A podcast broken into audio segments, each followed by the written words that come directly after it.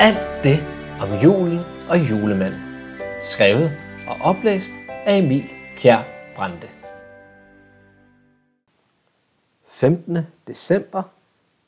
En afrikansk munk. Måske er du en af de mange. At det kan jeg jo af gode grunde ikke vide, men det er der jo en vis sandsynlighed for. Muligheden er til stede for, at du er en af dem, som er, som folk er flest. Det er jo selvfølgelig bare mit gæt. Men lad os nu lige sige, at det er sådan.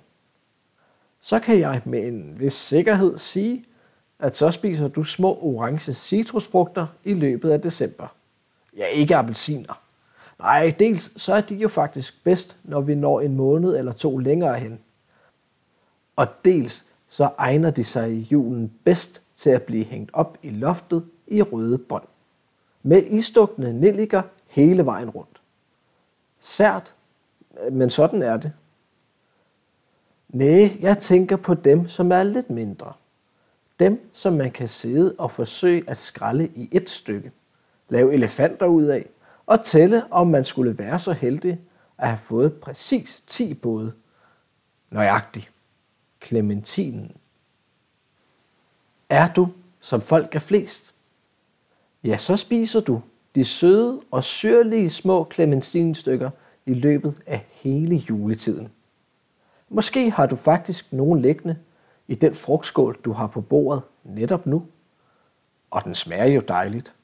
Selvfølgelig ikke som god grød, men det gør nu heller ikke noget. Og nu vil jeg jo så fortælle dig, at den bestemt har noget med vores kære julemand at gøre. Jo, den har. Den har endda meget at gøre med lige netop ham. Ja, for hvis ikke han havde været på et helt bestemt sted på lige nøjagtigt det tidspunkt, ja, så er jeg slet ikke sikker på, at du kunne spise klementiner i julen. Ja, eller på noget andet tidspunkt. Det havde praktisk talt været umuligt, for så var klementinen ikke blevet udbredt. Lad mig forklare. Julemanden rejser jo rundt i løbet af året for at se, hvad børn i hele verden leger med, ønsker sig, mangler og har brug for. Man kan vel sige, at han tager på inspirationsrejse. Det er egentlig en god idé, for hvordan skulle han ellers vide, hvad for noget legetøj han skulle lave? Det ville han slet ikke kunne. Nej, så ville han stadig kun være nået til gyngehesten, og når du har fået en af dem, ja, så kan du så sådan set gynge rundt, som du har lyst til. Han må rejse rundt, og på en af de ture mødte han i det nordlige Afrika en mand.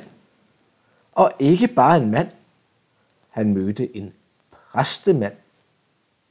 Og denne præstemand dyrkede sin have. Det havde han gjort i mange år, og han nød det. Tænk, at han kunne gå ud i mandarinlunden hver morgen, mærke varmen fra den brændende sydlandske sol og se til sine mandarintræer. Det var de sødeste og saftigste mandariner, man kunne opdrive i miles omkreds. Men de havde et stort problem. De havde sten i sig. Små, hårde sten, som man let kom til at knuse med tænderne. Ganske ubehageligt. Han ville opdyrke en model, som han bedre kunne lide.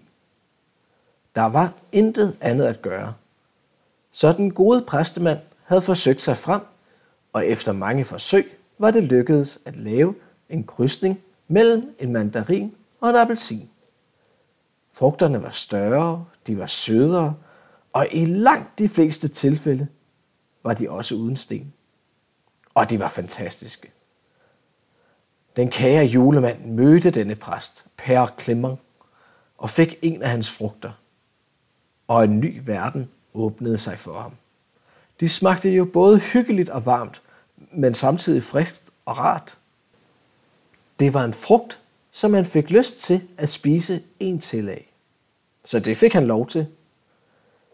Præstemanden så, hvor meget julemanden nød denne frugt, og hvor meget han satte pris på den gode smag. Så julemanden fik lov til at tage en hel kasse med sig. Som tak for det snikkererede julemanden en smukt udskåret gyngestol til præstemanden. Den kunne han sidde i, øh, når han skulle sidde og nyde sin mandarinlund. Og julemanden tog kassen med rundt og delte ud af denne nye klementin til alle, som ville smage. Og den blev så populær, at folk ville have flere. Og siden det nu var julemanden, som havde bragt den rundt, ja, så yndede folk at spise klementiner netop i julen. Og det er grunden til, at du kan spise klementiner hele december. Velbekomme.